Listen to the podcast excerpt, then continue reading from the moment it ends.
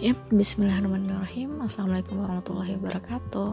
Hai hai semua teman-teman ya yang masih mau dengerin Semoga ini bermanfaat deh.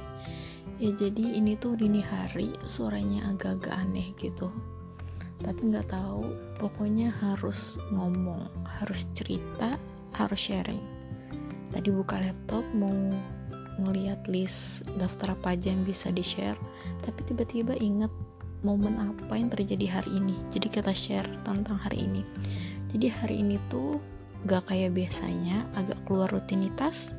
Jadi pas bangun tidur itu apa sakit perut biasa. Terus jadinya nggak ketemu Aisyah pada udah kangen banget. Nah terus dan ternyata ada momen-momen yang nggak tepat. Iya ya namanya juga nggak tepat di waktu yang salah kali ya. Jadinya kita berjodoh. Iya. Nah terus ya itu dia. Nggak berjodoh. Ya jadi ya santuy aja lah. Mungkin emang Allah belum menentukan itu yang terbaik. Iya yeah, cila mbak mbak. Nah ada satu momen yang tadi tuh umat sempat nelpon terus nanya gini e, kakak tadi ketemu sini gitu. Eh salah. Awalnya nanya kakak di mana? gitu.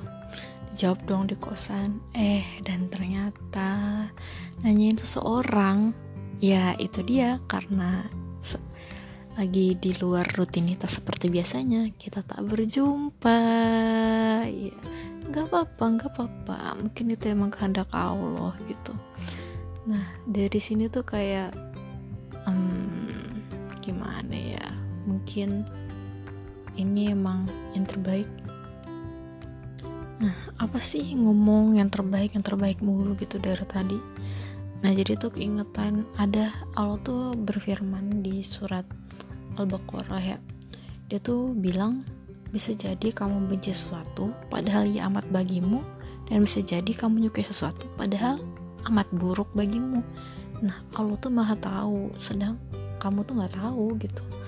Nah dari situ tuh jadi setiap momen yang terjadi entah itu terkait rezeki misalnya uh, ada orang yang gajinya ketahan atau ya mungkin itu emang yang terbaik misalnya buat nabung entah tiba-tiba misalnya uang sekolah harus dibayarkan di bulan ini gitu. Nah mungkin itu juga yang terbaik karena rezekinya ada di bulan ini gitu. Nah jadi gimana caranya perspektif kita itu ngeliat kalau Allah maha tahu kita tuh apa gitu.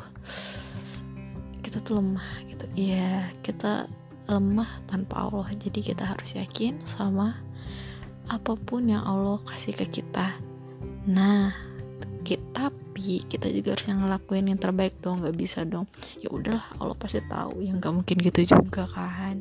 Nah jadi lakukan yang terbaik lakukan yang terbaik usaha terus nanti serahkan semua ketentuannya sama Allah keputusannya sama Allah. Nah di sana kita pakai kekuatan doa. Gitu teman-teman. Nah jadi lakukan yang terbaik Bismillah semangat